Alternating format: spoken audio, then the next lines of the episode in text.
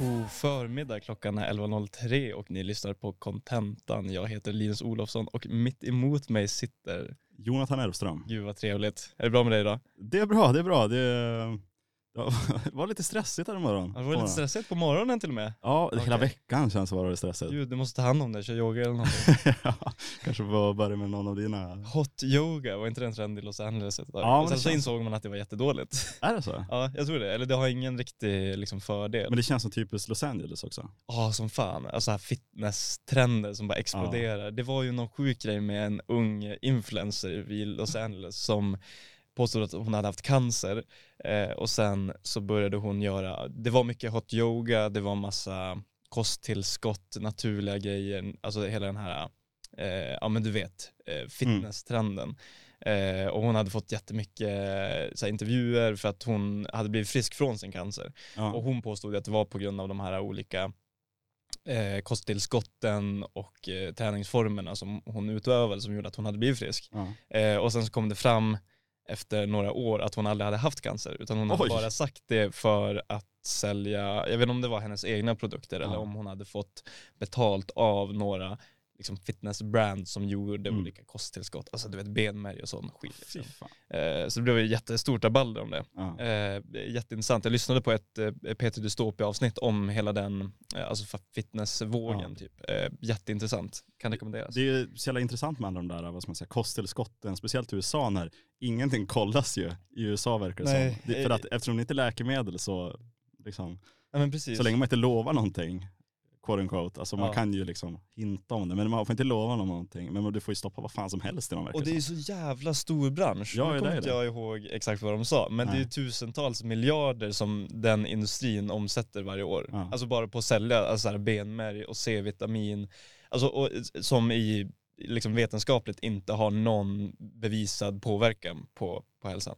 Nej det är fan sjukt. Det, det är som den här killen, vad heter han? Eh, som, eh, han är republikansk amerikan, inte politiker men eh, eh, det, Jones, vad heter han? Alex Jones. Alex Jones, ja, Han säljer ju jättemycket, det är framförallt benmärgsprodukter.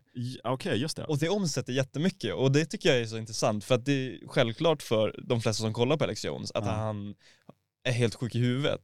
Han har påstått att regeringen tar nyfödda bebisar och gör galna experiment med dem eller vad är det? Ja, liksom, eh, men han är ju liksom mer höger än republikans, alltså han är ju Ja. extrem höger. Ja men han är, han, men han är ju en Men han sa väl att hela, han har väl liksom blivit stämd så det bara smäller om det de senaste Absolut, åren. han har haft problem. Men han, Oh, ja. han säljer ju fortfarande jättemycket produkter och har en hel line-up av olika hälsogrejer. Och det finns folk som köper det. Ja, för han blev väl stämd för att eh, han hade eh, sagt att liksom den här Sandy Hook-massakern eller vad man ska säga, den, den var liksom påhittad och att Ja, liksom föräldrarna och allt det där var bara liksom skådespelare. skådespelare. Vilket ja. är otroligt Ja. eh, crazy alltså. Ja. Men det är så sjukt att han fortfarande har en plattform som är relativt stor. Alltså, Ja, det är det. det. Det är ju det som är skrämmande, men kanske USA framförallt. Men på tal om liksom det här med healthy-grejer och sånt där, du har, fortsätter du att inte dricka kaffe?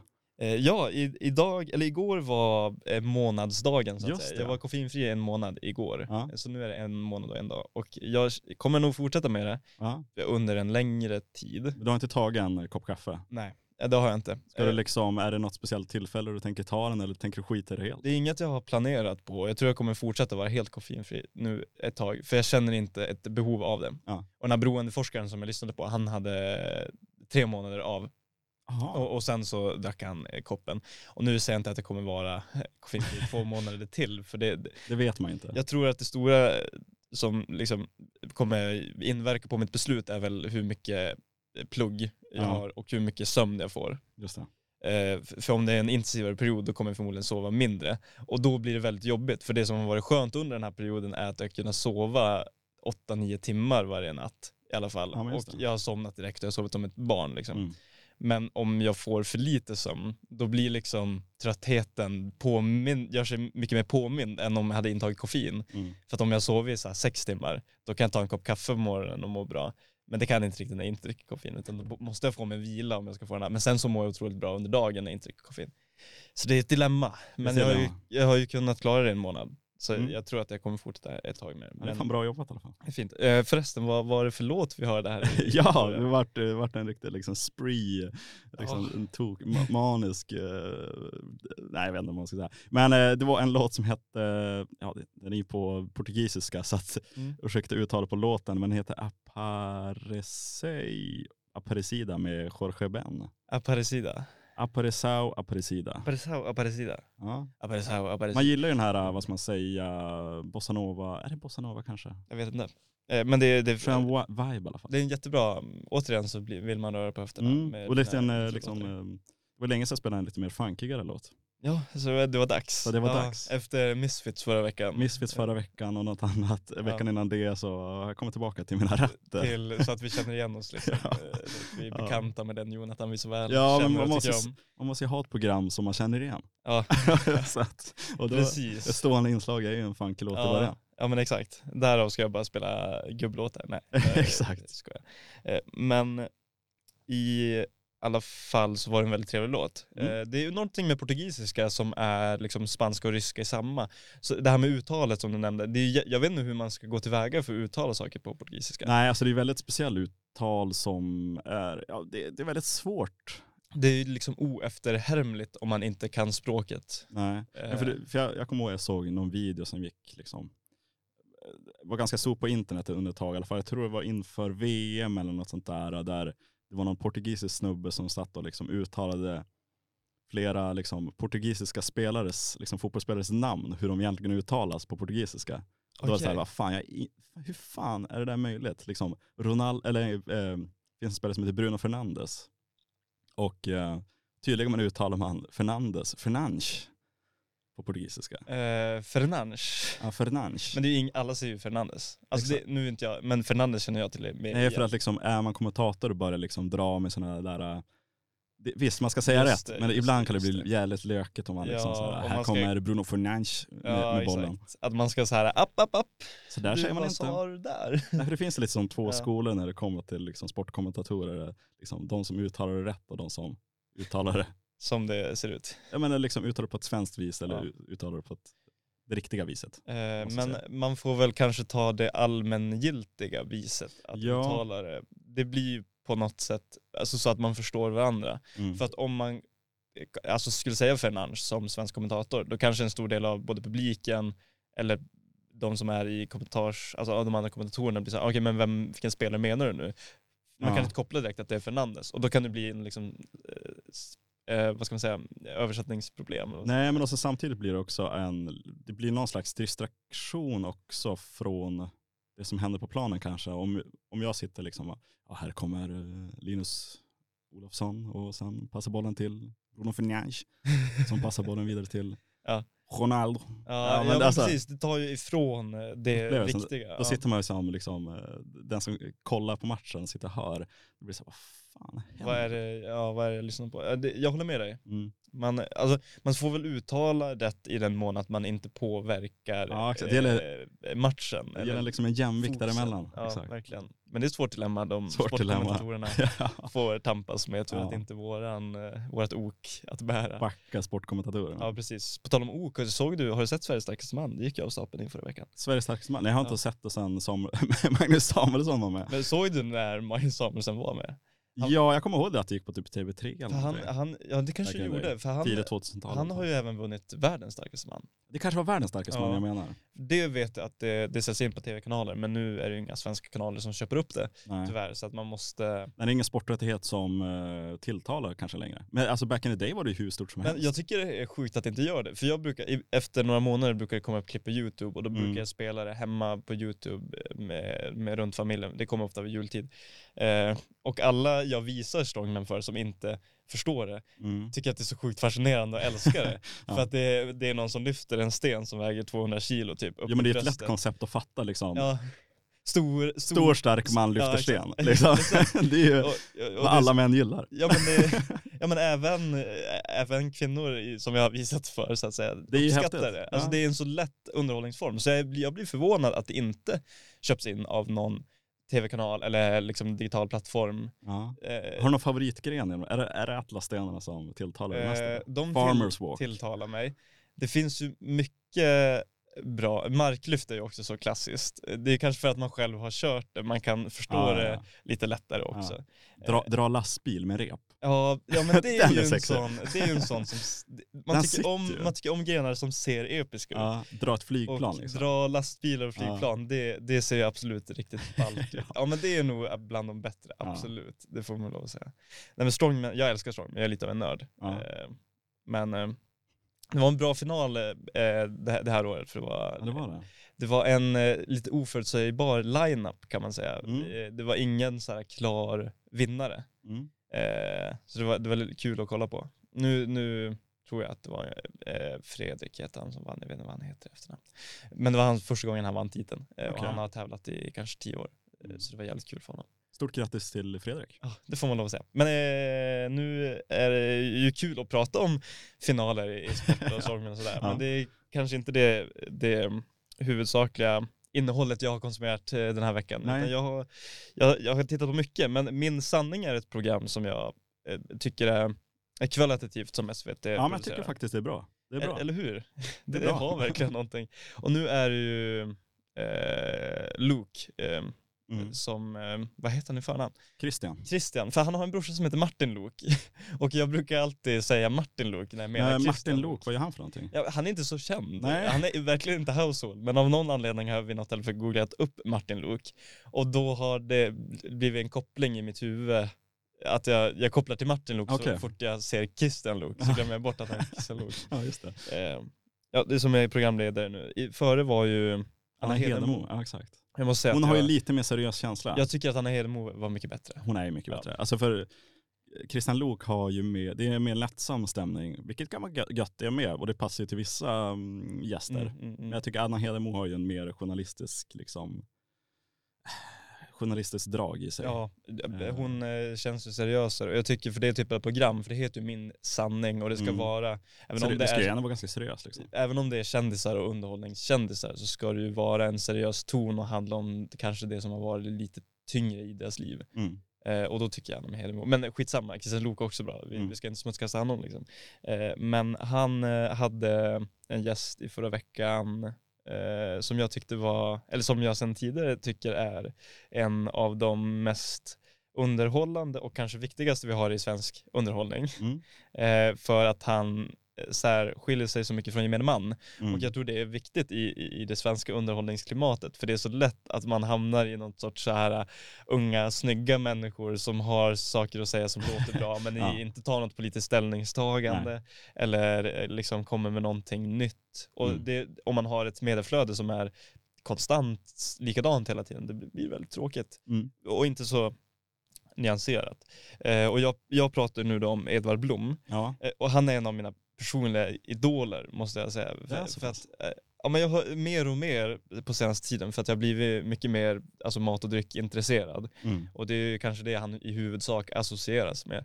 Men det jag framförallt tycker om med Edvard Blom är ju att han eh, liksom han älskar sig själv och han Mm. skäms inte för det och han är, han är inte lik någon annan. Nej, han, är ju, alltså, han har ju...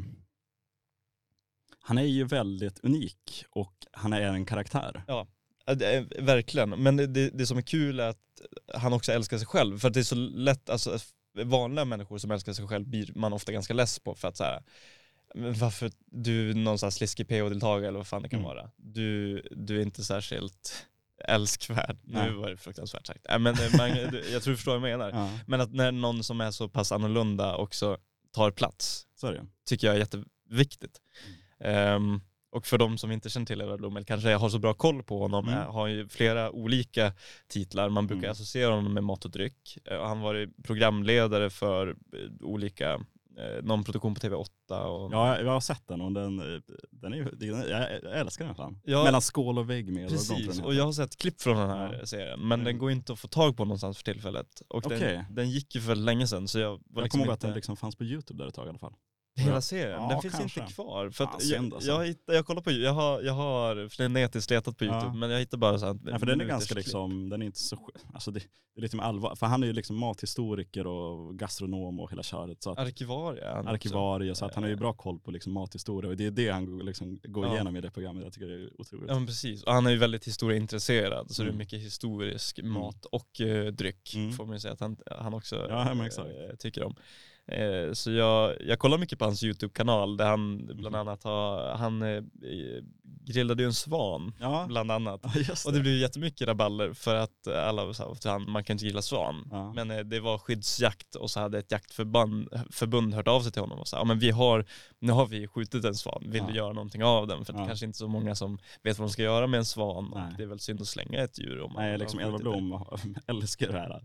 Svan och liksom Ja. det gamla liksom. Ja, verkligen. Ingen käkar ju svan. Ja nej och det, därav så älskar ju Edvard Blom att käka för att ingen annan käkar. Nej, en, men, det är, men det är så små saker jag tycker om med Edvard Blom. Han, Mm. eh, han, eh, I en intervju med Mauri, då skulle han göra sin frukost och då brukar han tycka om att äta bacon till frukost och då Mm. steker han baconet i ankflott. Ja, För, det är ju, för, Det att få, för att alltså. få den optimala krispigheten. Ja. Och enligt eh, Mauri så var det de bästa baconen han någonsin ja, men jag kan ju tänka mig, men det är Jag kan också tänka Men, men det, är så, det är så fint för att i liksom gemene mans hus, då steker man ju inte bacon i fett överhuvudtaget för att det är så fett att det Exakt. inte behövs. Det behövs inte Men-. Men att ha inställningen att, nej men jag, och inte heller att det är så smör, utan jag ska ha, liksom ha det finaste flottet jag kan tänka mig. Jag ska Ank. ha ankflott och Ja. steka mitt bacon i. Ja. Man får ju liksom ont i hjärt, alltså liksom så här kärlkrampar av att tänka på ja, det. men man känner ju artärerna börjar liksom krympa ihop och Ja, blockeras. verkligen. Men helvete vad gott det är. Eh, låter. Jag, och jag blir sugen på att köpa ankflott. Jag, har ju, jag, älskar, jag älskar bacon. Jag har ätit väldigt mycket bacon och rest potatis i jättemycket olja. Jag tycker om fet mat liksom. Mm. Så man blir ju sugen på, på liksom utvidga sina kulinariska vyer och testa lite mer, alltså sådana här äh, maträtter man inte gör så ofta. Alltså Mm. kanske, han gör mycket långkok och häller ner grytor med massa olika öler i Mm. och, och liksom Guinness för att den ska bli saftig Ja. och använda habanero ibland. Alltså så här, han, han, han eh, liksom testar ju väldigt mycket olika och Mm. har ju ett genuint smakintresse så han tar ju det han själv tycker fungerar. Så det är inte så att det är äcklig mat. Nej, Det är absolut. ju otroligt god mat men han har liksom inga, inga hämningar och ingenting som liksom, ehm, eh, vad ska man säga, eh, av eh, filtrerar hans val Nej. på något sätt och det gör ju, gör ju honom så genuin. Eh, Alldeles gott och alldeles för mycket. Ja som- men precis, det är ju ett av hans citat. Jag tänker att vi ska gå in lite på saker han har sagt, Mm. för jag hittar några rubriker. Jag vill börja med en, det är bara en rubrik på en, jag tror att det var en Expressen-artikel som han var med och jag tycker den var så fruktansvärt rolig så jag ska egentligen inte nämna mer om själva artikeln, men rubriken var i alla fall Edvard Blom har inte ätit kanelbulle på 20 år, kolon, citat, tråkigt. ja just det, han är ju diabetiker va? ja det är han verkligen. Självklart han det. Det är han verkligen. Och han har, äter ju i princip inte kolhydrater överhuvudtaget Nej. nu. Vilket man, alltså, för när man kollar på honom tänker man oj det där är en extremt osund människa. Men Ja. han är ju väldigt alltså, hälsomedveten. Trots allt. Men han, liksom, han är hälsomedveten på det sättet att han maximerar ju sitt intag av alltså, osunda saker. Ja. Och gör allt för att hans kropp inte ska sluta fungera av Mm. det. Alltså förstår du? Det är som att träna för att man ska kunna eh, leva så ohälsosamt som möjligt. ja. Lite grann. Ja, på, på något sätt gör han det absolut. Men samtidigt, jag menar han dricker ju otroligt mycket. Alkohol. Och, ja, Ja. och han käkar ju otroligt mycket mat obviously. För han Jo men det är det jag menar, att man liksom så här, att man upprätthåller, alltså han kanske ändå Ja. försöker ta hand om sig själv genom att inte äta kolhydrater Ja. för att sen leva så osunt som möjligt. Ja. Alltså så här, att man maximerar tiden man har på, på jorden. Det, det är ett av hans citat på, han har ju kända ölglas och han Mm. gör ju även shotglas och andra typer av glas. Där han har olika citat av han själv. Eh, och ett av dem eh, är ju då, det viktiga är inte hur många år eh, man får utan vad man fyller dem med. Mm. Och det är, är, ju det, lite är, är det verkligen han som har sagt det? Ja, eller det, alltså så här, det, det är citat på hans glas. Ja. Jag vet inte om det är så här taget direkt från honom, men det är ju någonting som han eh, står för och vill representera. Jo, det gör han ju verkligen. Men det känns Ja. lite klyschigt också resultatet. Just det kanske inte är någonting han har sagt. eh, Rent så. Eller jag vet, jag vet jag vet inte. Men, eh, men det är ju någonting som i alla fall stämmer i linje med, med Jo, det- jo han, han efterlever ju det citatet Ja. så det bara smäller om det. Ja. Så är det ju verkligen. Det får man lov att säga. Eh, men vi, jag, jag, tycker vi kan prata lite mer om avsnittet då på eh, Min sanning för att den här praten inte ska bli allt för lång. Mm. Eh, så var ett av, eh, de eh, sakerna han diskuterade som resulterade i ganska många rubriker i media, det var Mm. ju eh, frågan om åldersgräns på alkohol. Ja. För att Edvard tycker att den ska sänkas till 16. Mm. Ja, det är Eh. ganska kontroversiellt. Det är väldigt kontroversiellt. Jag, tänk, jag tänker ha ett litet citat om, eh, om vad, varför han tycker det kan man säga. Eh, han säger då, eh, man legaliserar något som ändå sker och då blir det att alkoholen inte behöver börja som någonting obehagligt på fyllefester.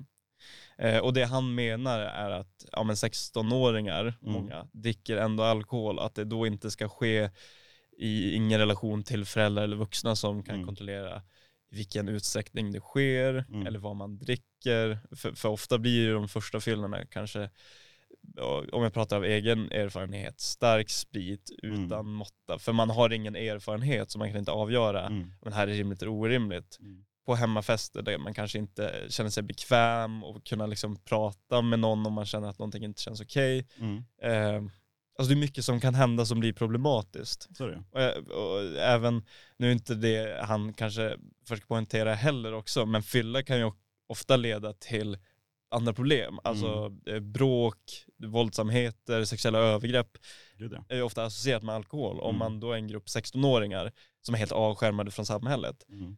då är det mycket större risk att sånt eh, undangöms istället för om man är ett gäng 16 år som går ut på krogen där det finns vuxna runt omkring Mm. man kanske tar något glas till maten med sina föräldrar så man förstår alltså att ja, men några glas vin, det kan ju vara trevligt. Men du Mm. kan inte heller ge dig hur mycket sprit som helst för då kommer du må väldigt dåligt. Men han vill att man ska kunna gå ut på krogen samt köpa det i Systembolaget eller? Eh, som jag har förstått det är krog, Mm. alltså att man, inte, du ska inte få gå på bolaget när du är Nej. 16. Nej. Eh, men du ska kunna gå till krogen och du ska Ja. kunna dricka det alltså med dina föräldrar Mm. eh, hemma om de vill ja, dricka något glas till maten till Ja, för jag är lite fundersam hur det ser ut i de länder som faktiskt har 16-årsgräns på, på krogen. Till exempel i Danmark Ja. har väl Ja, 16 men år. det är ju ett annat argument att i Europa är det ganska vanligt. Jag tror Mm. Tyskland eventuellt har det också. Alltså det, ja, det, och han älskar ju Tyskland. Ja, det gör han ju verkligen. Verkligen. Eh, Jag, jag är lite tvegad på den där. Alltså, ja, jag förstår vad han menar. Ja, jag förstår också Men vad samtidigt, menar. jag tror inte, jag tror tyvärr inte, alltså 16-åringar dricker inte alkohol för att det är gott. Och jag tror Nej. inte de kommer sitta ner framför maten och ta ett glas. Men jag Chianti. tror att även om de gör det så kanske man inte eliminerar problematiken han ser. Nej, jag alltså tror inte lite det heller. så. Jag tror, jag, alltså problematiken, jag menar liksom folk kommer ju supa och leva rövare ändå. Alltså det, Ja. det, jag tror inte det hjälper så mycket. Nej. Jag tror, jag tror jag som 16-åring hade fått gått ut, jag tror det hade sett likadant ut ändå. Antagligen. Alltså, men eventuellt att man då kanske lite tidigare här hade fått en, en, för, alltså en Mm. förståelse för dryckeskultur. Mm, jo, så är det ju absolut. Och, och, och, och det kan ju vara en positiv grej. Men jag håller med dig om att det negativa kanske inte, Nej men det, det är liksom allt som man börjar tidigare med blir man ju bättre på. Ja. Så jag menar, börjar man dricka tidigare så blir man ju bättre på det tidigare. precis. Det är ju liksom, ska man, ska man börja få ta körkort när man är 14 för att Ja. då har man ju längre tid på att utveckla sig. Jag Exakt. menar det är ju samma sak. Ja, exakt. Och det, det är en svår diskussion. Men jag, Mm. jag tycker att det är intressant att Väldigt prata om. intressant. För att det, det är ju inte en diskussion som har förts i Sverige överhuvudtaget. Nej. Så då är det ju kul att de pratar om det. Men en, Eh, och, och kanske därigenom på något sätt sprider lite kunskap. Alltså Ja. att man, om man, det kanske då blir lättare för föräldrar att diskutera alkohol med, med sina barn när de är i den åldern. Att, så här, Mm. ja, men, för jag tror att de flesta som tonårsföräldrar förstår att deras barn kommer dricka alkohol. Såklart. Men jag tror många tycker att det är fruktansvärt jobbigt att prata om. mm. Att man, Men det är väl bättre bara för föräldrar att, att ha en öppen dialog med sina barn om just Ja. alkohol och hur det påverkar, påverkar henne och att man inte liksom kanske fördömer det från första början. Nej, utan att bara, jag vet att du kommer göra det här någon gång. Är det något problem så är det bara att ringa så, Precis. så hjälper vi dig. jag tror att det är många eh, hem som har svårt att prata om det. Ja, jag, jag, inte fan Eh. pratar jag och min morsa om eh, det Nej. där någon gång. Nej, nej, och inte jag heller. Och Nej. därför tror jag att det kan vara bra. Och det, det tycker jag Mm. är bra, även om man kanske inte måste hålla med honom Nej. I att man ska sänka åldersgränsen, så tycker jag det är jättebra att han tar diskussionen. Mm. Så är det Eh. Så det var lite därför jag ville prata om honom mer. En liten personlig favorit om man får köra med Edvard Blom. Ja. Det är ju ändå osten. Med bakismaten. Bakisosten. Ja, eh, han, han la ut, jag såg det precis innan vi satte oss, han Ja. har lagt ut ett nytt klipp på YouTube Ja. eh, som är en intervju om backstoryn till Är det bakisklippet. sant? Och jag har inte kollat på det. Det måste man ju hem och kolla på Eh, efter det det, här. alltså. måste, det kommer nog kolla så fort vi är klara, men det är väl en uppmaning till alla då. Och de som inte har sett det här klippet så är det, ja, vill du berätta kanske? Ja, han, egentligen han, i det här klippet så iscensätter han väl att han har haft fest hemma och att det är lite stökigt sådär och han ser jävligt bakis ut. Sitter där i sin morgonrock vid köksbordet och han berättar egentligen den bästa bakiskuren som är att ta en hel hushållsostare En hel ost. och sätta den i en skål Ja. och in i mikron. ja, innan också. Just det, han tar lite Han tar slatta, slattarna från gårdagen. så lite konjak och lite sånt där. Ja, lite vin, lite allt möjligt. Tar han även en liten snort med lukttobak, Ja, det kanske är ja. om jag kommer ihåg Jag rätt. vet inte. Jag vet inte. Och sen senare mikrar han det där, äh, rör om det lite så att det blir gojsigt och gött Ja. och sen käkar han bara det upp och ner. Och så käkar han det, ja. En hel jävla hushållsost upp och ner som är smält i Och det är så mikron. jävla mycket. Det är ju groteskt men otroligt roligt. Ja, eh, och nu har han då kommit ut med backstoryn där och Ja. det vill man ju verkligen höra. Så att, Det är ett tips för helgen, liksom bunkra upp med lite Ja. chips där hemma i soffan, knäcka en öl och kolla på backstoryn kring bakisosten. Jag tycker kolla på hela Edvard Bloms eh, YouTube-kanal om man är lite mat eller dryckesintresserad. Alltså jag har verkligen i, satt, den här senaste veckorna har jag kollat på hur mycket som helst Mm. med när han testar olika öler. Han har några klipp med David Kringlund där de pratar om drinkar och spritsorter. Ja, jättebra faktiskt. Eh, jätte eh, och intressant Mm. eh, tycker jag. Eh, och nu har jag lite fler citat, men nu har vi pratat så länge om det här. Ja, vi måste ha en låt. Ja, vi behöver en låt och jag, eh, det är en låt jag vill höra som jag lyssnade lite på i veckan eh, som heter Her Eyes Are A Million Blue Miles med Captain Beefheart and his Magic Band.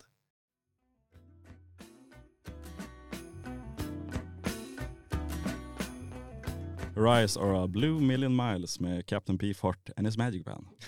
Det är intressant eh, band. eh, Namn? Alla har hört talas om. Nej, inte, jag, Första gången. alltså jag har ju jag har inte lyssnat på några fler låtar av det här Nej. bandet. Eh, men Captain Beefheart är ju spännande, and his Magic Band, det låter ju Mm. sjukt så här psykedeliskt, amerikanskt, Ja. LSD-molnigt, eh, osande Ja. kring hela, hela Jag, jag glömde lite bort att liksom lyssna på låten för vi hamnade liksom i en diskussion Ja. om Edvard Blom igen. Ja, det, men det, vi sa det, vi hade kunnat prata ett helt avsnitt eller Ja. två avsnitt om bara Edvard Blom. Ja, men så vi exakt. kanske inte ska grotta ner oss allt för Nej, mycket. nej, jag det känner finns så mycket också. att säga. Eh, men eh, det är bra jävla gitarrspel, Mm. Eh, tycker jag. Det är lite groovy. Det är lite bluesigt sådär. Mm. Ja, ja ver- verkligen Ja. bluesigt. Utan det blir för bluesigt. Alltså blues är nice. Blues kan bli, bli väldigt mökigt. Eller. Exakt, det kan bli exakt. väldigt samma liksom. precis, och det blir saker som bara flyger iväg och händer lite som de själva gör. Men Ja, det här exakt. håller ändå ett stadigt flow. Det blir liksom, blues kan ju ofta vara att man bara kör någon eh, blues-tolva på gitarr och sen Ja. eh, sjunga om sina eländigheter i livet. Ja, precis. Och det är alltid, som har lämnat en och alltid alltid- för jävligt. allt är för jävligt. Men det här är en liten fin blueslåt. Ja, men blues är intressant. Det är Ja. intressant musikstil. ja, men verkligen. Som, eh, ja, lite överskattat kanske ibland sådär. Alltså det finns ju kanske en romans Kring till bluesen. bluesen. Ja. som kan kännas lite överdriven ibland. Men jag tror att det ofta kommer från folk som inte är så bluesintresserade. Ja. Som bara vurmar för den för att det låter bra att tycka om blues. liksom. Men på tal om blues, det är väl en, en av de roligaste klippen eh, i eh, Filip och Fredriks program. Är det La Bamba? När de är ute och reser. När, han, när, när Filip ska ha sin bucket list typ, eller han ska göra saker. Ja exakt, och sen är de någonstans i typ södern i USA Ja. och, eh, och Filip säger liksom att han älskar blues, det är, liksom, det är hans musik. Ja, ja. Men han kan inte nämna en enda blueslåt. ja, Fredrik, säg en låt. Säg en, låt. Säg och, en blueslåt. Och, Filip Ja. säger, jag kommer han inte på någonting. Nej, Han säger någon låt men så här, ja, jag vet inte exakt vad det var. Säg en bluesartist. Ja men B.B. det- King. Jag vet inte. Ja, men det är titel, en titel på en låt med Muddy Waters. kan jag inte. Robert Johnson? Säg en låt med honom. Nej. Fast sålde så mycket skivor av Så honom. här då, nu gör jag det riktigt enkelt för dig. Säg, säg tre blueslåtar. Tre låtar! Säg tre låtar själv. Så här då, säg en blueslåt. Men everything's gonna be alright this Men det är morning. ju rad. Det roliga med det här är att jag förstår dig ju. Att du kan så här, emotionellt tycka dig tillhöra bluesen. Ja, men men, du- då blir det kul med reality check. Du kan alltså inte ett Nej, men, låt. det, men det, din inställning är att man kan inte tycka att en musikgenre är bra om man inte kan hur mycket låtar titlar som Du helst. tycker att den är viktig. Ja. Då borde man kunna en. Men det är ju att den har funnits. Du kan inte en. Men kan Det det är sjukt underhållande. Men det är ju typiskt Filip också. Ja, att, typiskt. eh, Posera lite. Se. Oh, ja. eh, på tal om ingenting så såg jag en rätt intressant liten video på, på internet för ett tag Ja, sedan. det- Okej, du befinner dig på webben alltså? Jag befinner mig på webben och jag har ett liksom, jag har en liten blackbook med saker man kan prata om Ja. Om man inte har något att prata om, Ja, som jag ja. har idag. I alla fall, jag såg en rätt intressant video om låten Rock the Casbah med The Clash. Är du, Klassisk låt. du- du känner igen den låten? Ja, brittisk punk är det som mest alltså. det är ju det. Väldigt, ganska soft punk sådär. Ja, verkligen. Men, Men det väldigt- känns som den tidigare punken, den var lite mer lågmäld. Mm, kanske. Eventuellt. Men de har ju lite Men The Clash over, overall är väl lite mjukare. de, de är, det är inte, liksom rå, det är inte råpunk liksom. Nej, det får man säga. De är Nej. lite mer städare. De- Känns det som i alla fall. Ja. Nej, Nu sitter vi bara och gissar här. Men det, Jag har ingen koll på punk alls nästan. Jag får fråga Jonas. Han har bra koll på punken. men det är väl kanske den punken man, våra föräldrageneration kunde spela när svärföräldrarna var med och Ja. inte skämmas för det. Nej. Medan Sex Pistols kanske var det man höll sig till fyllefesterna. Men det är, det är en analys jag, jag, säger utan grund. alla, I alla fall, den här låten, Rock the Casbah, så finns det som ett litet Easter egg Mm. i låten. Om Okej. man lys, som man, lyssnar man noga så kan man höra det. Spännande. Då måste vi nästan lyssna på Jag, det. jag tycker vi ska lyssna lite på det. Vill att jag ska förklara vad du ska lyssna på liksom, först? Eh, Eller- hur, hur långt är det här klippet? För jag tänker vi kan ju lyssna på det först. Det är om jag några sekunder någonting. Och, ja men då lyssnar vi på det en gång. Ja. Om jag inte riktigt fattar då får du förklara lite Ja, mer. exakt. Ja. Då ska vi se, jag ska bara hitta exakt. Så lyssna bara på vad, vad som händer här i bakgrunden i låten. Du behöver inte lyssna på texten utan bara liksom, vad händer i låten?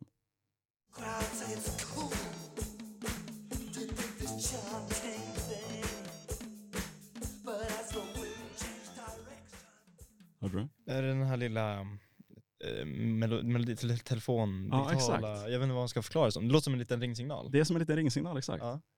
Vad, är, vad är det för någonting där?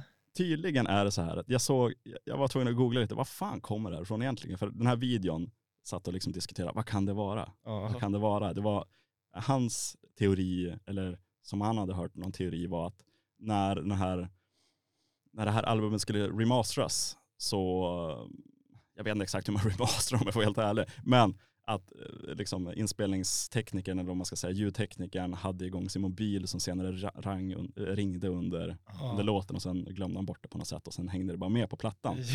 Just det, det är kul om det är så. Det är, det är kul om det är så, men jag tog och g- grunnade vidare lite här, vilket menar att jag, jag gick in på, det- på Wikipedia senare för låten och eh, tog reda på vad fan som hände Du egentligen. grävde. Jag grävde, det var ett grovt grävjobb här Ja, egentligen. Och verkligen. det var så i alla fall så att det här var en, eh, då fick jag upp en liten, en, en liten eh, intervju med Topper Heeden som var trummis i bandet i alla fall. Ja. Och det var tydligen han som skrev den här låten, vilket är lite annorlunda att en trummis skriver Verkligen. en, en låt. Det är sällan. Och speciellt att han skriver liksom The Clash bäst, eller största låt också. Ja, verkligen. Tydligen var det så att han innan eh, de skulle ha någon rep, de skulle repa och han var där lite tidigare och liksom satt och plinkade på någonting och kom på den här, kom på den här låten egentligen.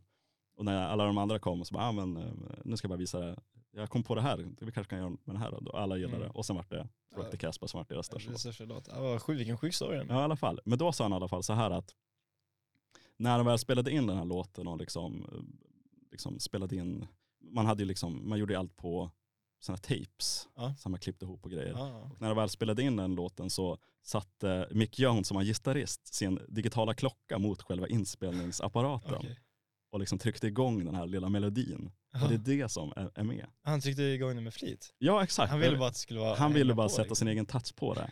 Och jag hittar exakt vilken klocka det är. Eh, så vi kan lyssna på exakt hur det låter. Det är tydligen en Melody Alarm Armitron Chrono 4 någonting sånt där. Och den låter så här.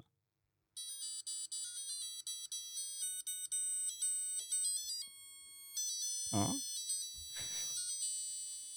Jo, vad charmigt. Men det är lite kul att en sån där grej hänger med i en låt. Det känns jävligt, eh, alltså det känns som ens mormor och morfar skulle kunna ha en sån här melodi Ja visst. på något sätt. Det känns ålderdomligt att ha såna här trudelutter. Ja exakt. Eh, Men det charmigt verkligen att det har blivit en del inkorporerat i låten på något sätt. Ja. Som ett litet eh, fingerprint eh, från honom typ. Mm. Men men, det är ju ingenting man har tänkt på tidigare får man säga. Nej exakt, för det, alltså, jag, när jag har lyssnat på den här låten tidigare har jag ju aldrig tänkt på det. Nej, Att det skulle vara någon liksom bakgrundsgrej som...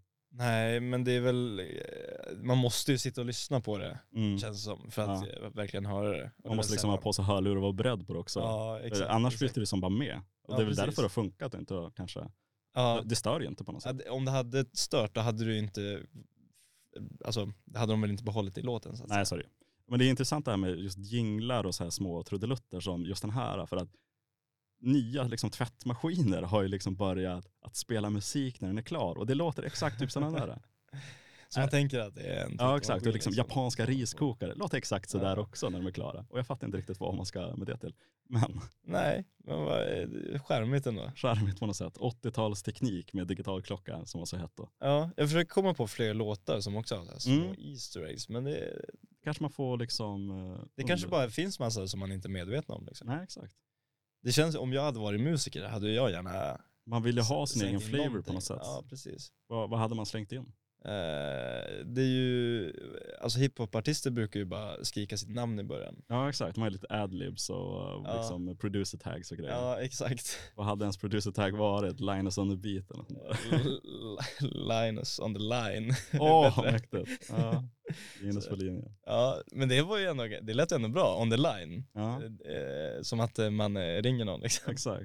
Och sen har man liksom, eh, då kan du ju dra in en telefonsignal kanske. Ja, då kanske man kör på den där Ja, liksom. Ja, ja. Som en liten vinkning till The Clash. Exakt, det är en hyllning till Så man det. kör Clash. Linus on the line och sen den lilla trudelutten. Ja exakt, exakt. Otroligt. Det hade varit min stamp liksom, Mm. ha i början. Men det är bruk- intressant, det här med just med hiphopmusik att det, det är ju nästan bara de som kör med just de här producer tags att liksom, Ja.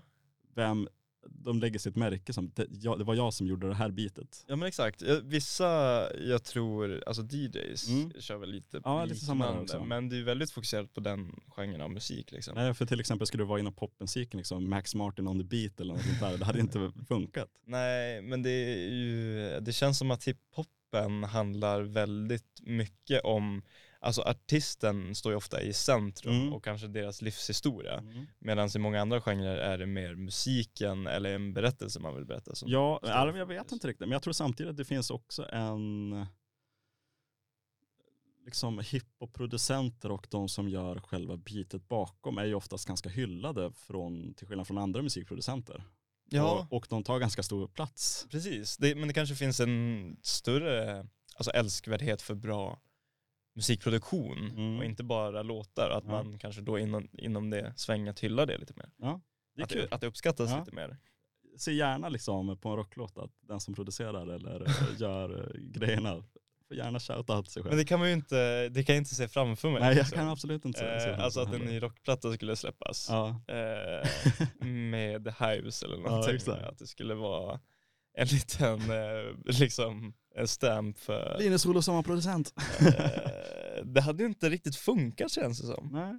Men varför, Eller, man varför, hade ju reagerat på det. nej, men varför funkar det hiphopen då? Jag vet inte. Det kanske är, men de har ju också, det känns som att det har varit så, I alla tider. kanske inte från den första 90-tals hiphopen, men jag undrar när det började egentligen. För det känns ju som att det funnits med i hiphopen under en längre tid. Men Oh ja. när jag tänker på klassiska typ så Snoop Dogg-låtar från Mm. tidiga 90-talet, Mm. då, då jag hör inget sånt för mig liksom. Mm. Inte på samma sätt i alla fall. Jag tänka efter när man har lyssnat på Snoop Dogg. Det var Dr Dre som gjorde mycket Snoop Doggs Ja, precis. versioner. Jag vet, nej kanske inte. Det är med så Pharrell Williams, om du vet vem det är. Ja, ja. Eh, han har ju, kanske, han säger inte sitt namn sådär, men han har ju ett annat att varje låt som han gör börjar ju med liksom ett fyrtakt. Så, duh. Jaha, är det varje låt som Ja exakt. Om man lyssnar på till exempel Happy Ja. med Pharrell Williams. Ja, men det är den låten man kan med honom. Ja men exakt, men han har, gjort, han har ju producerat mycket annat för andra artister. Ja. Och den låten ju börjar, dö, dö, dö. Jaha, det har jag ald- aldrig, aldrig tänkt på. jag tror det är fyra beats eller sånt där. Just det. Så, så varje låt man lyssnar, jag vet inte om det är varje låt, men de flesta låtarna i alla fall, de börjar med någon slags fyra. Så han har också ett fingerprint. Ja han har ett liksom. fingerprint och det är kul. Ja. Nej, ja, men det finns vissa så här med, med Dre, någon låt är, är ju, alltså så här samlingslåtar när- Mm. med Dre och Snoop Eminem, vad heter Mm. Bitch Please och Bitch Please 2. Uppföljaren. ja precis, Bitch Please 2 är dock mycket större än första Bitch Please och den är mycket bättre. ja. Eh, då introducerar de ju varandra Mm. eftersom det är flera hiphopartister. Så nu vet jag inte eh, vem det är, så undrar om det är Snoop som börjar. Mm. Och sen liksom introducerar han Dre Mm. på något sätt. Att han bara, ja nu, ja Dre är också här med oss idag. Ja, liksom. det, det, det ja. känns som att de liksom är på, i ett rum med varandra. Att de ska Ja. liksom hälsa, hälsa eller göra en presentation. Nej i och för sig, när, när man pratar om, alltså hiphop är ju mycket att man pratar om sig själv och nämner sig själv också. exakt, det är ju ingen annan musikstil som det, gör det. Det var det jag menar, att man ska bygga upp sitt eget eh, name och göra sin grej. Exakt. Det känns som att det är en större kultur i hiphopen Ja, för man, man säger ju faktiskt sitt namn rakt ut. Det, det är inte så att man pratar som sig själv. Liksom. Ja, man pratar man om sig själv i tredje person. Exakt. Ja. Jag menar, Veronica Maggio har ju aldrig sagt Veronica Maggio på en av... Och det hade varit helt sjukt om Ja, hon eh, liksom, men om det är typ A36 eller någonting, Ja, nu är inte jag jättestort fan, men det känns som att han många gånger bara pratar om A36. Ja, exakt. Ja, men Snoop Dogg och Dr. Alltså allihopa gör ju det. Ja. Fan vad intressant. Undrar vad det, hur det kommer sig. Men det är väl lite olika kulturer i musikgenrerna, Ja men det är ju det. eventuellt. Nej för eh, hiphop har väl en annan slags, självklart berättar man historier där men det är också mycket att man vill uppa sig själv och prata om sig själv och Ja. ja. jag vet inte, det är en annan, ja, en annan kultur. Det är någonting. Det kanske beror på vilken tidsera de skapas i på något sätt. För Mm. hiphopen är väl kanske av de genrer vi pratar om nu den absolut nyaste. Och då kanske man lever i ett samhälle som är mer fokuserat, alltså individualiserat Mm. på något sätt. Att det man, eh, kanske den här drömmen om att slå på stort är större. Och det kanske är mycket amerikanska influenser i hiphopen och amerikaner är kända för liksom the American Mm. dream. Om man tänker på punken så kanske den är mer brittisk kopplad. Om Mm. man tänker på den nya punken och den är mer, lite äldre. Eh, och kanske i en tid där man, där man istället ville slå emot samhället och att det inte var vem som sjöng som var det viktiga utan Mm. att det var det politiska statement man sa. Och det kanske var en mer politiskt turbulent tid när den skapades. Mm. Om man går ännu längre tillbaka så till bluesen så handlade väl det mer om sorgesång på något Mm. sätt. Att man ville visa i, i, alltså att man mådde dåligt. Mm. Men då kunde nå ut till flera och visa att ja, det är okej att må dåligt och att det finns fler som mår dåligt på något sätt. Ja, det är intressant i alla fall. Eh, Spännande, Spännande. spännande. att fundera på det där. Ja, verkligen. för att varje, det är klart att eh, musikgenrer skiljer sig rent musikaliskt men att Mm. det finns olika kulturer kopplade till det som är väl, alltså fundamentalt olika. Så är det verkligen. Eh, Det är spännande. Ja. Men ska vi ta en, eh, Vi tar en liten låt på det. Och jag tycker eftersom vi, vi lyssnade bara på en kort, kort bit av eh, Rock the Casbah så kanske vi kör hela Rock the Casbah med The Clash. det tycker jag.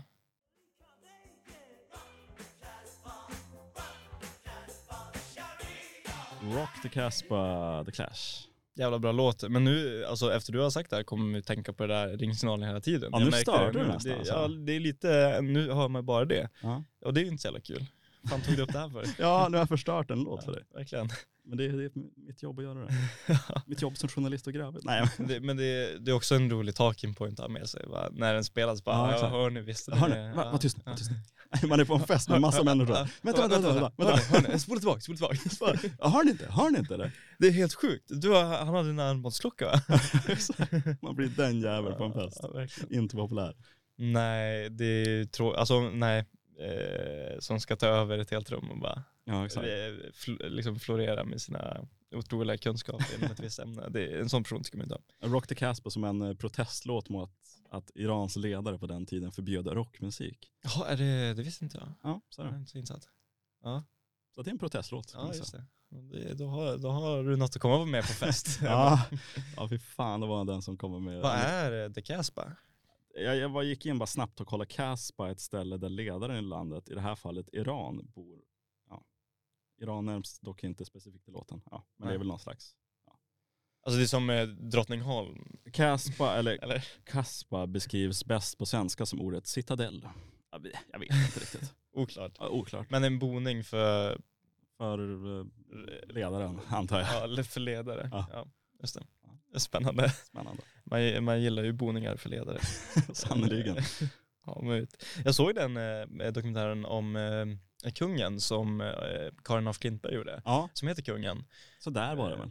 Alltså jag hade mycket högre förväntningar. Det hade jag också. För att den var så välgjord och det var en jätteintressant premiss. Men sen när den var klar så satt man där och bara, Mm. men var det, Var det allt vi kunde för jag hade ut? ganska höga förväntningar. Ja. Men det är väl så att kungen är en så Väldigt, väldigt privat man. väldigt privat människa och så jävla liksom medialt slipad Ja. och diplomatiskt i hur han uttrycker sig. Att man kan nog inte, man kan nog inte gräva längre ner i honom än vad hon har gjort. Nej, speciellt om han verkar inte vilja det. Så det var ju mer som att han bara ställde upp dokum- på dokumentärer för att Ja. han var tvungen på något sätt. Eh, Ja men det var ju något tillfälle när, när hon sa, men du har ändå tackat ja till det här och han var så här, har jag det? Mm. Har jag det? Ja, det Har jag verkligen det? eh, Och så var det någon Ja. som bara, jo men det har jag gjort. Han bara, ja men det Han kanske var ju otroligt stängd och vill inte liksom prata om någonting nästan känner jag. Det- Jag vet inte om Karin af Klint, alltså jag tycker om, alltså typ, hon är ju bra, men jag vet, var hon rätt person att göra det? Kanske, jag vet inte.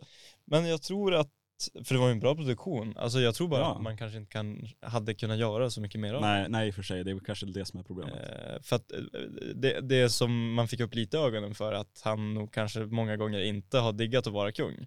Och det Så är det kanske jag, det har man väl inte tänkt på jättemycket. Nej. Att det kan vara jävligt jobbigt att vara så en otroligt medial person. Mm, Eh, men han vill ju liksom inte yttra sig om det. nej. Men det får man väl förstå. Det hade ju blivit konstigt om man hade fått eh, typ kungen att börja gråta Mm. på film liksom. Men det, det var ju en rolig scen där han, där de stod och pratade i något rum och sen sa han bara, just det fan, jag har ju, jag har ju, jag har ju lunchbjudning. Han svor väldigt mycket. Ja, Ja exakt, och liksom storma ut där. Och det var ju väldigt Ja. roligt i alla fall. Så det var ju något slags personlighet. verkligen. Ja. Eh, li, lite, ja, Okej. över, överallt. Ja. och, och att han, men det var kul att se kungen svära. Mm, det var det verkligen. Eh, det är ju sällan Ja. man får göra det. Men nu eh, har jag kollat på mer eh, filmer, kanske inte dokumentärer, Mm. eh, på, på både SVT Play och Netflix. Och eh, Wes Anderson som är en regissör vi båda tycker om och har Mm. pratat om tidigare i den här podcasten, han har ju släppt som fan på Netflix får man lov att säga. Han har släppt fyra kortfilmer, Ja.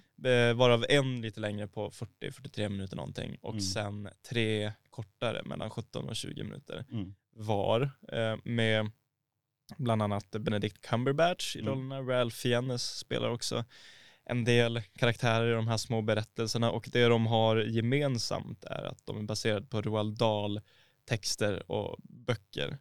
Eh, men de har ingen röd linje emellan sig direkt Nej. så eh, på rak arm. Och den första som släpptes eh, var ju då den här eh, The Amazing Story eller Wonderful Story of Henry Sugar Mm. som är baserad på en bok av Roald Dahl.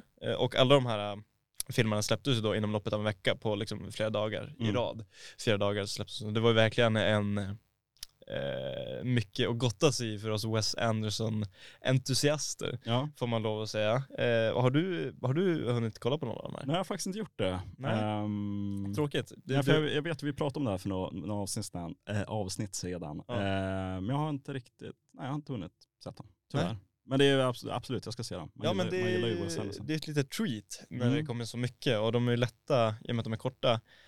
Det som är speciellt med dem är att de är eh, så otroligt mycket dialog. Alltså, Mm. Och det är väl Wes Anderson känd för, men det är inget andningsutrymme. Mm. Jag tror det är lite därför de är så pass korta också. För att, Han komprimerar liksom ja. alltihopa väldigt, väldigt kort. exakt, Och då blir det mycket dialog. för att det är, det, ja men det är, i alla de här filmerna är det nästan, det går aldrig längre än kanske en halv sekund eller några millisekunder Mm. där det är tyst. Mm. Annars är det konstant dialog. Vilket såklart blir väldigt effektfullt, men det blir väldigt mycket att ta in. Mm. Så det är svårt att se dem alla på rad. Det är klart man kan göra det om man är ett hängivet fan, men det blir Mm. väldigt mycket för, för hjärnan och Mm. liksom processa. Och man måste ha, man kan inte kolla bort i två sekunder för då Nej. har man ingen aning om vad det, vad det är som sker. Eh, och eh, eh, den här Wonderful Story of Henry Sugar, rent storymässigt är den eh, intressant. Det är en rik man som eh, vill, han stjäl en bok för att den ser intressant ut och lär sig lite så här supernatural egenskaper. Eh, Men jag tycker de andra är lite mer intressanta att prata om för att de är baserade på inte, som jag förstått det, av direkta böcker av Roald Dahl utan han har blivit inspirerad av eh, små eh, reportage och små texter i lokala tidningar Mm. i Storbritannien eh, som han har råkat hitta på platser där han har bott för tillfället. Mm. Och sen eh, baserat på då en verklig historia har han skrivit små noveller Okej. om de här eh, företeelserna. Mm. Eh, bland annat eh, en som då heter The, The Swan som handlar om en eh, väldigt intelligent liten pojke eh, som blir eh, ja, mobbad i en liten by där han bor för att han är smart och de trackar honom och tvingar honom att göra jobbiga saker. Det slutar med en ganska grotesk scen när de dödar en svan, de här pojkarna. Och sen så Edvard Blom. Eh, ja, lite, lite så. Och sen så skär de av vingarna på svanen och så eh, sätter de fast det på pojken, alltså tejpar eller limmar fast det, jag vet inte riktigt exakt, som att han var en svan och sen tvingar upp honom på ett eh, jättehögt träd Mm. och tvingar honom hoppa ner från trädet som att han var en svan och skulle flyga. Men det var ett jättehögt träd och han, Mm. ja, det går inte så jättebra Mm. Är jättemörk liksom. Men det Mm. blir ju lite intressant för att det är någonting som har hänt på riktigt. Och eh, rent eh, visuellt så är det väldigt Wes Anderson. Det är ännu mer teatralt än vad det har varit tidigare om man Mm. får säga så. För att det har ju varit mycket as- alltså, teatrala aspekter. Ju äldre han har blivit har det känts som. Om man tar Asteroid City Mm. blev det väldigt mycket som att det kändes som ett teatersätt. Verkligen. om man kollar på eh, Rushmore som är en av hans absolut tidigaste, Mm. Den känns ju mer som en, En, en film faktiskt. en ja. vanlig spelfilm, Ja. även om den är klippt på ett intressant sätt och dialogen är lite Mm. eh, Quirky. Ja, Ja. quirky, precis rätt ord. Så blir det fortfarande en tydlig röd tråd Ja. och det, in, det känns inte som ett eh, som att man kollar på en teater-setup eller vad man ska säga. Eh, medans det nu känns som att man kollar på teater. Och det genomgående är att karaktärerna, det finns ofta en berättande karaktär Mm. som förklarar vad folk säger. Så istället för att en, en eh, karaktär, kanske en Ralph Fiennes som är Swan, eh, att han säger någonting, så säger personen som har blivit berättare Mm. Ja, nu, och då sa den här karaktären det här. Så istället okej, för att Ralph ja. Fiennes får säga sin line så säger berättaren att Ja. den här karaktären säger linen. Okej. Så det blir, och det är genomgående i alla de här filmerna, Ja. att det som finns en stor berättare. Eh, och eh, det kan ju också vara att, för den berättaren är också en karaktär i historien, så att eh, den karaktären kan säga, och då sa jag, Mm. och sen citatet, och sen så fortsätter han att berätta storyn. Så det blir väldigt eh, bryta tredje väggen, och Mm. det känns som att allting är kulisser, och det känns som att det är gjort för att det ska kännas som att det är kulisser, att man sitter på en teater. Mm. Och de kollar in i kameran hela tiden, Okej. eh, som att man är en publik på, Mm. i en teatersalong. Ja, jävligt intressant. Eh, och sen är allting assnyggt för att det är Wes Anderson. Fina Mm. färger, fina kostymer och eh, intressanta historier. Jag tänker jag behöver inte gå in på alla de här Nej, nej, nej. indivi- individuella kortfilmerna vad de faktiskt handlar om. Mm. Men om man eh, tycker om film överhuvudtaget eller teater och eh, uppskattar dialog och eh, det visuella när man kollar på, på medialt innehåll, då ska man kolla på det. Mm. För att det, det är så pass lättillgängligt när det är kortare också. Så är det verkligen. Ja. men eh, absolut, det ska man hem och kolla på här i helgen. Ja. Kanske. Men eh, för du, du är ju ett Wes Anderson. Ja, men jag, jag tycker, tycker, tycker Wes Anderson gör bra grejer. Sen kan det bli lite pajet. Alltså, eh, inte pajet, men det kan ju bli lite klichéartat på Ja. något sätt. Ja, och det blir väl på någonstans att, Han har så stark signum i Ja. det han gör. för då blir det oj vad det här är, känns Wes Anderson. Kan Och då tänker man nästan ja. bara på att det är Ja. Wes Anderson. Och det här skulle jag säga är det, det mest på det vis, alltså det här är Det mest så. Wes Andersonska. Liksom, han har eh, gjort. Ja, Och, och det blir ju både, som du säger, för och nackdelar med det. ja. det, för, alltså, det man uppskattar mer om det är ju rent produktionsmässigt. Oj vad Mm. bra skrivet det här är. Mm. Oj vad snyggt det här är filmat. Men det är också allt man kan tänka på, i alla fall om man är lite intresserad av det. Mm. Eh, och det tar ju ifrån själva filmupplevelsen. Så det blir ju inte som att sätta sig och kolla på en, på en lång film som man kanske bara oj undrar vad den här kommer handla om. Det är inte det som är grejen. Men för vissa regissörer, regissörer, jag vet inte liksom vad är rollen från en regissör för att alltså Wes Anderson har ju så otroligt, man vet ju exakt, han har gjort allt liksom målmedvetet på något sätt. Och jag, jag Mm. tror på många andra filmer så tänker man inte på det sättet att oj vad coolt det här är och liksom, oj vad Wes Anderson har gjort det här bra utan då, då är det mer så att man följer med en film på något sätt. Ja men jag om man, det. eh, om man kollar på Oppenheimer i somras, Mm. då är det inte som att man sitter och tänker på att ja men gud vad bra de har gjort med kostymerna i den här delen när de Nej. är på Manhattan-projektet. Eller Nej. vad kreativt att de valde just de här vinklarna på, på den här scenen.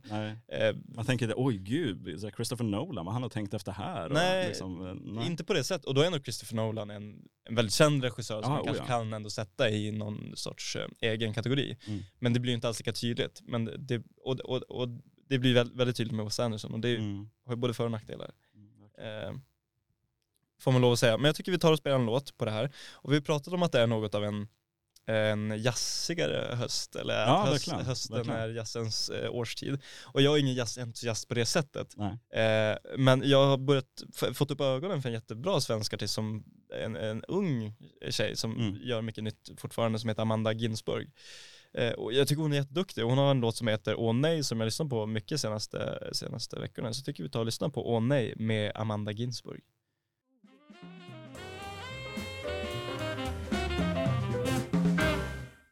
Åh nej, med och Amanda Gensberg. Jajamän, alltså så jävla, du sa det här under låten, att det är jazz som den enda musiken man vill dansa och röra sig till Ja, men det är ju, det, det är ju verkligen så att man direkt jazz kommer igång, känner jag i alla fall. Att Ja. Det är ju verkligen så att alltså knäna börjar liksom ja, röra på sig. Och, och utan att behöva sång, även om Ja, den här låten ja. inte hade sång, eller de flesta jazzlåtar klarar sig helt bara på det instrumentala. Exakt. Och det är ju ingen annan genre som kan leva upp till det på samma sätt. Nej, jag tycker faktiskt också det. Ja, och det är ju någonting med, med hösten som, som gör att det Ja. funkar. Men vad tycker du om, du har kanske Nej men grymt, alltså jag tycker man är svinbra. Ja, eller hur? Det är ju väldigt, det är, ju väldigt svensk jazz. Ja, så det fan. låter väldigt, alltså det är Alltså mycket hon, känns som en, eh, och- hon känns som en yngre Monica Zetterlund. Ja, liksom. exakt, Så jag hoppas att vi ser mycket, mycket content av henne i framtiden. Ja men verkligen. Nej men eh, alltså grym, alltså det här är ju verkligen en, alltså jazzrösten är ju, det är en viktig del och speciellt Mm. jag tycker svensk jazz har ju verkligen den här Smekande. smekande signatur eh, jazzrösten, speciellt Ja. för kin- kvinnor. Jag, Ja. vet, alltså jag kan inte ens säga en manlig jazzsångare om jag får vara ärlig. Svensk jazzsångare. Eh, Eh, Esbjörns orkester, men de sjunger kanske Nej, de inte sjunger inte. Mm. Ja, otroligt. Eh, jag är, jag brukar kolla på några liksom, reality-serier någon gång. Reality-serier? Ja. Eh, jag brukar kolla på första dejten ibland. Ja, det, det är Eh, kul. Den, eh, det är ju reality. Det är det verkligen. kan vara jävligt jobbigt att kolla på. Det är, jag, jag är en sån person som hatar pinsamheter. När det blir jobbigt. Ja, du har haft problem med Josef, Josefsson, Janne Josefsson och Cecilia Frode Ja, lite för att det blir så, så pass, det blir lite jobbig stämning. det blir så pass pinsamt. Men alltså jag, jag, alltså, jag klarar ju inte av det här med cringe. Alltså jag, Nej. när saker blir pinsamt, jag tycker lätt saker är pinsamt också. Jag tycker ändå att man kan njuta av det lite grann. Ja, Eller något- rätt ofta, det blir ju så, jag tycker det blir så fruktansvärt mycket humor i sådana situationer. Mm. Men det är klart om man, om man själv är i en situation där det Mm. blir cringe, eh, känns det ju fruktansvärt. Jag tror jag bara väldigt, liksom, speciellt om vi snackar om det verkliga livet och snackar om pinsamheter då. Jag tror det är mycket bara, jag- vet inte riktigt vad, men det, man känner sig ju väldigt iakttagen av allihop om man är i ett sammanhang och det Ja. händer pinsamheter. Och det kanske Absolut. inte att jag gör pinsamheter, men om du gör pinsamheter, då är det då det blir jobbigt. Mm. Just det, du känner liksom så mycket skam för, på, liksom on behalf av någon annan. Exakt, och det, jag tror inte det, jag tror, det är ju bara, det är mitt problem och det är ingen annans problem Nej. oftast. Men jag, kan ty- jag, jag har väldigt lätt att tycka saker är pinsamt i alla fall. Det var inte det jag ville prata om. Men eh, jag brukar kolla på Robinson. Just det, jag har faktiskt aldrig kollat på Robinson. Det är ju faktiskt, jag är inte så, liksom, jag är inte så high på det här med reality-serier och grejer. Även Nej. fast jag kan tycka det är ganska roligt med Ja. liksom Big Brother och sånt där. Men jag brukar inte kolla på det. Men Robinson tycker jag faktiskt har ha någonting. Mm. Jag tror det, det, är ju en annan slags Setting. Exakt, Eh, det är inte bara det här, för till exempel ta, ta Big Brother, det är mycket bara det här sociala och liksom Mm. fighter emellan och grejer. Och det är klart att det finns i Robinson också, att det, det är ju mycket det här, vad man kallar för det sociala spelet, att Ja. vilka man ska rösta ut och att det blir bråk och allt det, det där. Men det är också en överlevnads liksom, tävling och det är, man ska tävla om för att vara kvar och så vidare och så vidare. Så att, Det finns ett till lager på något sätt och då Ja. blir det Ja, exakt. lite mer underhållning i det. Mm. Och grejen är dock att vad jag har märkt nu är att de släpper liksom alla avsnitt på en gång. Och jag vet inte riktigt om de har gjort det tidigare. Jag, jag kommer inte Mm. ihåg exakt. Och jag kan tycka det är lite jobbigt att de släpper allt på en gång. För då måste man se allt på en gång också. Det är som ett ok man måste bära. Exakt, för då, då vet jag, oh shit nu har jag fem avsnitt att se.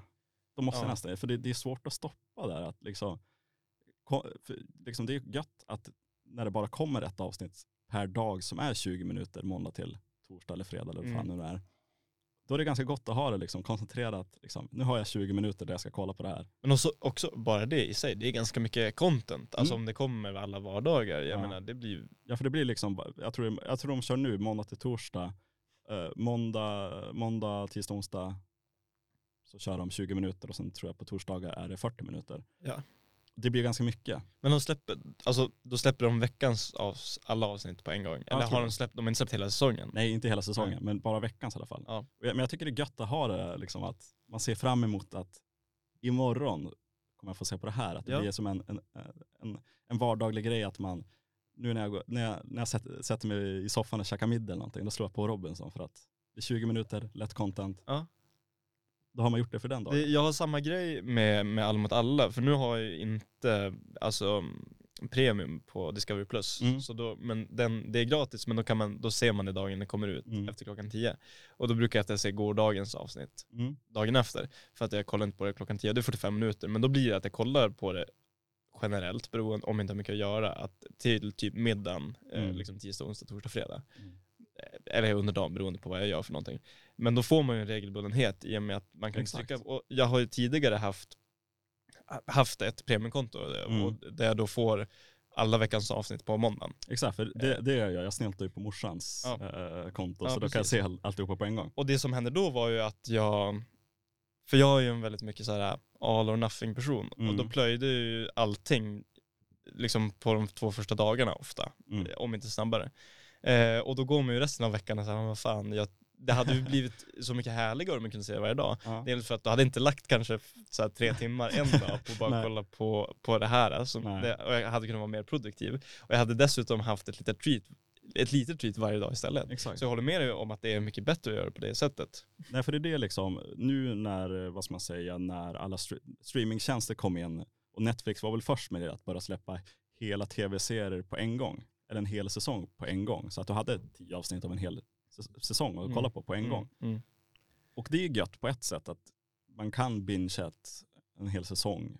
Det är ganska gött att bara, det blir som en lång Ja. jävla film ungefär. Men- man kollar på allt på Men en gång. samtidigt om det kommer en gång i veckan får man regelbundenhet. Mm. Det jag har insett, den här Hagamannen-serien Mm. eh, som eh, kom för några veckor sedan. Mm. Jag har fortfarande bara sett första avsnittet för jag har glömt bort den lite. För att Mm. den kom ju en gång i veckan. Exakt, och det är också en nackdel att jag tror om man väl släpper allt på en gång så bibehåller man publiken på ett bättre Mm. sätt. Att folk kollar faktiskt igenom alltihopa. Alltså jag kan säga nästan definitivt att om alla avsnitt av Hagamannen-serien hade kommit direkt, Mm. då hade jag vid det här laget sett allting. Mm. Nu har jag bara sett första avsnittet och jag kommer vid något tillfälle Mm. se klart det. Men har, det har liksom inte varit i min top of mind Mm. för att det har varit så lång tid mellan varje avsnitt. Så jag har liksom inte reflekterat förutom första avsnittet att det faktiskt har kommit flera avsnitt. Men jag tror också det som är bra med just de här vad man säga, veckobaserade serierna är ju att det, det bildas en annan slags hype kring serien. Till exempel Euphoria, jag har inte sett det. Nej. Men, och liksom The Last of Us och grejer som kom en gång i veckan. Just det. Då blev det en väldigt hype, stor hype på, på internet. Det var mycket skriverier om eh, The Last of Us-serien och Mm. det var, hade nog inte blivit på samma sätt. Om allt Om- hade släppts på en gång. Nej, Utan det för- var så här, nu kommer det här veckans Ja. avsnitt och då pratar vi om det. Men jag tror att det kanske också, för då finns det ju forum och en så pass stor fan eh, club, eller vad man ska Mm. säga, alltså ett så stort eh, antal människor som kan, som kan diskutera det på olika forum, att eh, eh, ja men då kan man, okej nu har det här avsnittet kommit, vad tycker jag om det här? Alltså att man kan diskutera det. Men om man tar Hagaman-serien eller något rejält, då finns ju inte den samma kulturen kanske. Nej. Och då tappar man nog mer på det. Alltså det är inte som att det kommer bli skriverier om Robinson om det hade kommit en gång i veckan. Nej, nej, verkligen inte. Så det, det är svårt. Mm. Nej men alltså det, det är intressant. Det finns som sagt för och nackdelar för båda, båda liksom metoderna att släppa, släppa avsnitt på. Men jag vet Mm. inte riktigt vad jag föredrar. Ja, det, det, man föredrar båda. Ja, ja, jag tror det beror på vad det är för typ av underhållning. Mm. Alltså så här. Men i, i, alltså i teorin tror jag att jag föredrar att det kommer en gång i veckan. Mm. Men i, jag lever ju inte efter det. I praktiken Nej. så bingear jag ju om jag kan. Nej men så är det verkligen. så det är ett jävla dilemma det Det är där. ett jävla dilemma alla fall. Men det, ju- det finns något uttryck, liksom make it and they will come. mm. Och det har väl med att göra, ja, men ska vi bygga eh, den här arenan, kommer Mm. någon använda den i en stad typ. Mm. Men jag tycker det fungerar lite för allt. För att om, om man väl släpper allting, då kommer förmodligen folk kolla på det. Mm. Och då blir det ju mer lönsamt för, Såklart. för produktionsbolag att släppa det. Men jag, som människa Mm. tror jag det är bättre att inte bingea saker. Nej, Det Nej blir men jag ju, håller med. Jag tror det är hälsosammare att inte bingea kanske. Nej exakt. Det är kanske inte bra att man sitter eh, 14 timmar framför tvn och kollar på samma sak. Nej. konstant. Nej men det är det verkligen inte. Eh, vi kör en liten låt i alla fall och jag tycker vi ska lyssna på Heaven or Las Vegas med Cocteau Twins.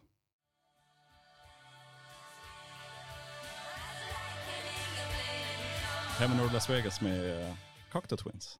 Cocteau Twins, eh, skotska var de sa du? Ja exakt.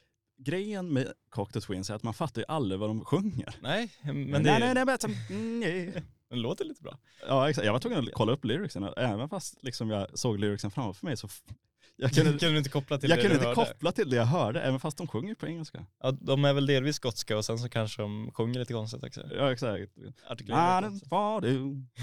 Madden. Ja. Eh, Kanske ett sätt att säga att ja, men det är inte texten som är det viktiga. nej, nej, men det är liksom, eh, rösten är ju som ett musikinstrument också. Jo men så är det. så de, Absolut. de, de sjunger på ett väldigt speciellt sätt. Men Mm. väldigt bra låtar. Min kompis Wilmer kan spela muntrumpet. Det tycker jag är coolt. Alltså riktigt bra muntrumpet. Okej. Alltså det låter som att, det låter som en trumpet, men Ja. det är bara, han liksom trycker ihop läpparna på något konstigt sätt liksom. Ja, det, det, är, det är ju väldigt intressant. Det är spektakulärt. Ja. Kommer du ihåg de här, jag kommer ihåg att det var, eh, jag vet inte om jag ska säga populärt, men det var typ en grej att det fanns något som hette näsflöjt. Mhm. Alltså det var ungefär som, det såg ut som att någon plastbit som man placerade liksom över, under näsan och liksom över munnen. Så att blåste man ut med näsan så kunde man liksom forma, forma munnen och göra olika, alltså, ja. Olika toner då? Ja, exakt. Och jag vet inte riktigt vad, om det var liksom, jag vet inte, som sagt, kanske inte en stor grej. Men det var typ en, en grej i alla fall. Men vad jobbigt att blåsa ut med näsan känner jag. Det känns så Ja. mycket mer ansträngande att blåsa med munnen. Ja, väldigt intressant. Det skulle som, ja, jag vet, en, en plastgrej i alla fall. Ja, väldigt intressant. Det, det låter ju helt... eh, Jag kommer ihåg att jag hade en när jag var mindre i alla fall. Du hade en? Ja. En näsflöjt? Vad är- Har du kvar den eller? Nej, jag tror tyvärr faktiskt inte. Men det var liksom under eh, 2006 kanske. Var, det, var det en grej. Ja Jag tror det fanns en nätflöj- näsflöjtsorkester bland annat. Men ja det blir ju ingen... ehm, Det var, det var kanske inte det här för att stanna då? Nej tyvärr. Verkar det som. Eller det är ingenting jag, har, jag är särskilt bekant med. Sveriges näs, näsflöjtsorkester, Snor. det är ju otroligt att de heter det.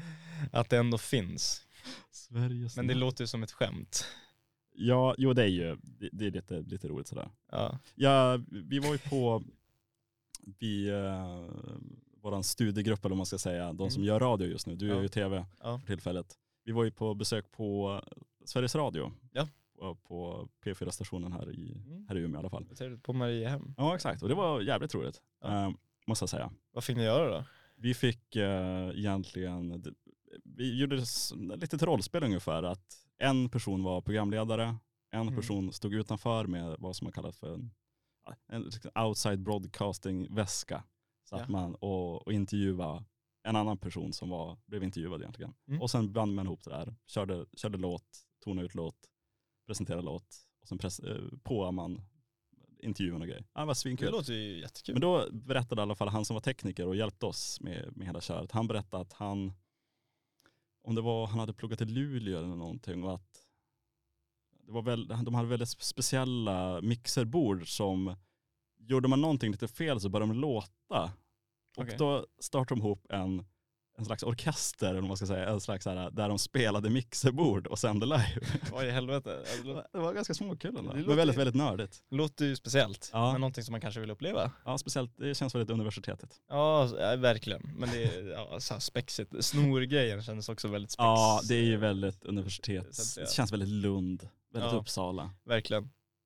Ofta, alltså så här, jag tror det är kul för de som håller på mycket med sånt där. Ja, det- alltså Alltså student, studentikosa grejer blir ju väldigt internt. Det är ju sällan Någon någon- annan bryr sig. Någon, ja precis. Det är sällan liksom folk som är så här, stora i universitetsvärlden eller universitetsunderhållning Ja, slår igenom så är det verkligen. vidare. Eh, Kanske förutom då Måns och Anders som vi pratade om utanför. Anders och Måns, ja. Anders och Måns. Ja, man, ja, man kan säga Måns och Anders också. Ja, men det blir, låter fel. Ja, De började på studentradion i, i eventuellt Lund tror jag. Ja. Skåne i alla fall.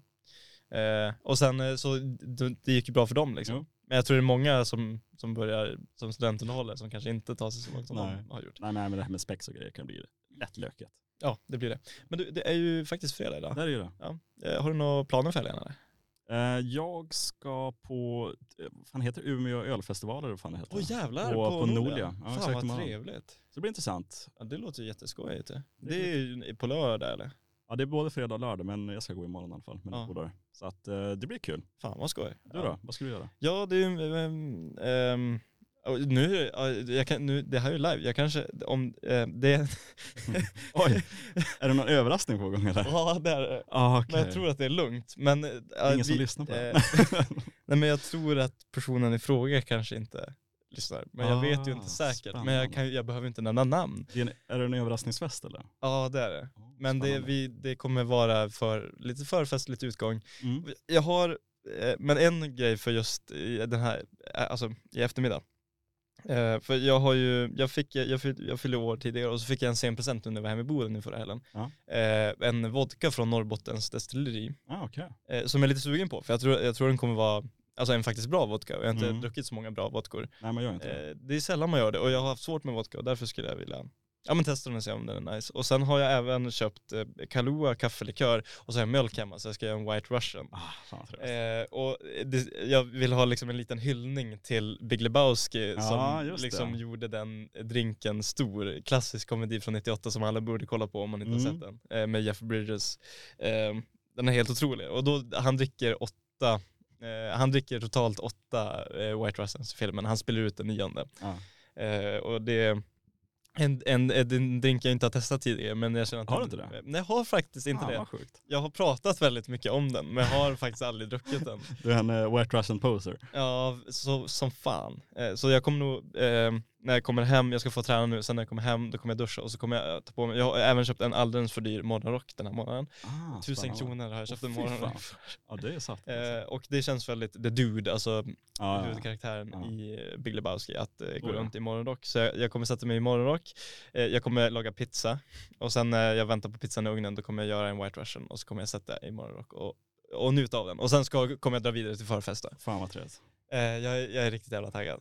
Eh, faktiskt, eh, får jag lov att säga. Ja. Eh, annars ska jag jobba lite sådär i helgen. Men eh, det är inte så jävla intressant. Men eh, de, den filmen, Big Lebowski, har ju en väldigt bra soundtrack, tycker jag. Ja. Dessutom, låten jag spelade, eller vi spelade, min första låt så att säga, eh, ehm, Blue Eyes någonting. Ja exakt, Horizon och Blue Million Miles. Ja exakt den, den är faktiskt med i soundtracket. Var det inte förra veckan du spelade något från Big Lebowski också? Eller var det förra, Eh, förra veckan? Jag tror, men jag spelade ju White Rabbit men det är från um, um, Fear and Loathing i Las Vegas. Mm. Ja det var någonting. Eh, jag har ju spelat Viva Las Vegas, Eh, den är med i Big Lebowski. Ja. Eh, sen har jag absolut spelat fler låtar från eh, den soundtracket också, absolut. Jag tycker att det är väldigt bra musik. Eh, men den kanske mest ikoniska låten från den filmen kan jag tycka, det är en scen eh, när huvudkaraktären flyger över Las Vegas Mm. i en psykedelisk trip eh, där han möter Osama bin Laden i en konstig eh, mashup, drömporrvideo. Ja. Eh, då spelas i alla fall låten Just Dropped In med Kenny Rogers och And the first edition. precis. Så jag tycker vi tar och lyssnar på den nu. Jajamän. Och Så får ni ha en jättefin helg. Jajamän, och tack för att ni har lyssnat. Ja, tack så mycket. Ha det bra. Yeah, yeah, what condition, my condition,